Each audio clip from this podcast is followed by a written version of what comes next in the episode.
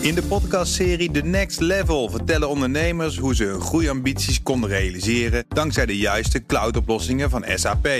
Wat waren de uitdagingen, de oplossingen en hoe ging de uiteindelijke implementatie? Benieuwd naar hun verhalen en hoe zij met behulp van SAP ook hun toekomstige ambities kunnen behalen? Luister de podcast The Next Level via de BNR-app of je favoriete podcast-app. De column van Ben van den Burg.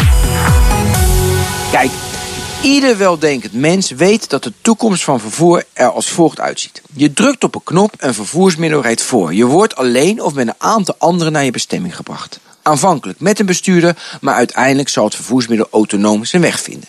Je rekent af per kilometer of je neemt een abonnement. Een enkeling, ik denk aan Bas van Werven, zal zelf nog een auto bezitten of besturen. Zoals nu een enkeling een vliegtuig bezit of een rempaard op stal heeft staan. Zo'n toekomst maakt alle stakeholders gelukkig. De mobiliteitskosten nemen drastisch af. Je bezit immers geen auto meer die 98% van de tijd stilstaat.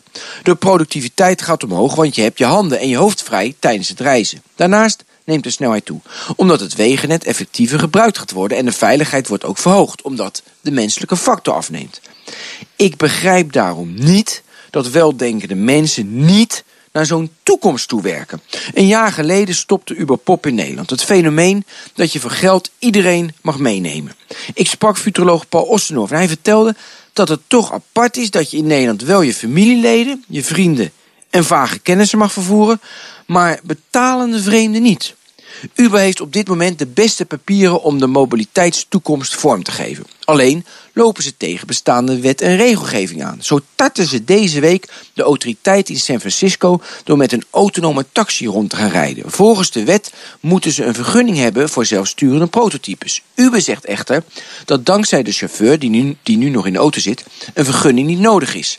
Waarom een kat-en-muisspel terwijl het mobiliteitseindspel al lang helder is? De weeffout zit hem vooral in ons vertrouwde actie-reactiemechanisme. Uber komt met een innovatie. Ze wil de stilstaande auto effectiever benutten. De regelgever, dat is de reactie, steekt daar een stokje voor op basis van de huidige wet. Ons Newtoniaanse mechanisme werkt niet meer. Thomas Friedman schrijft in zijn nieuwe boek Thanks for Being Late, dat is de titel, dat we met ons huidige brein de technologische versnelling niet meer kunnen bijhouden. Je kunt vervolgens twee dingen doen op de rem trappen en proberen veranderingen tegen te houden. Volgens Friedman is dat hetzelfde als je peddel in het water steken als je met je kajak op een snel stromende rivier vaart.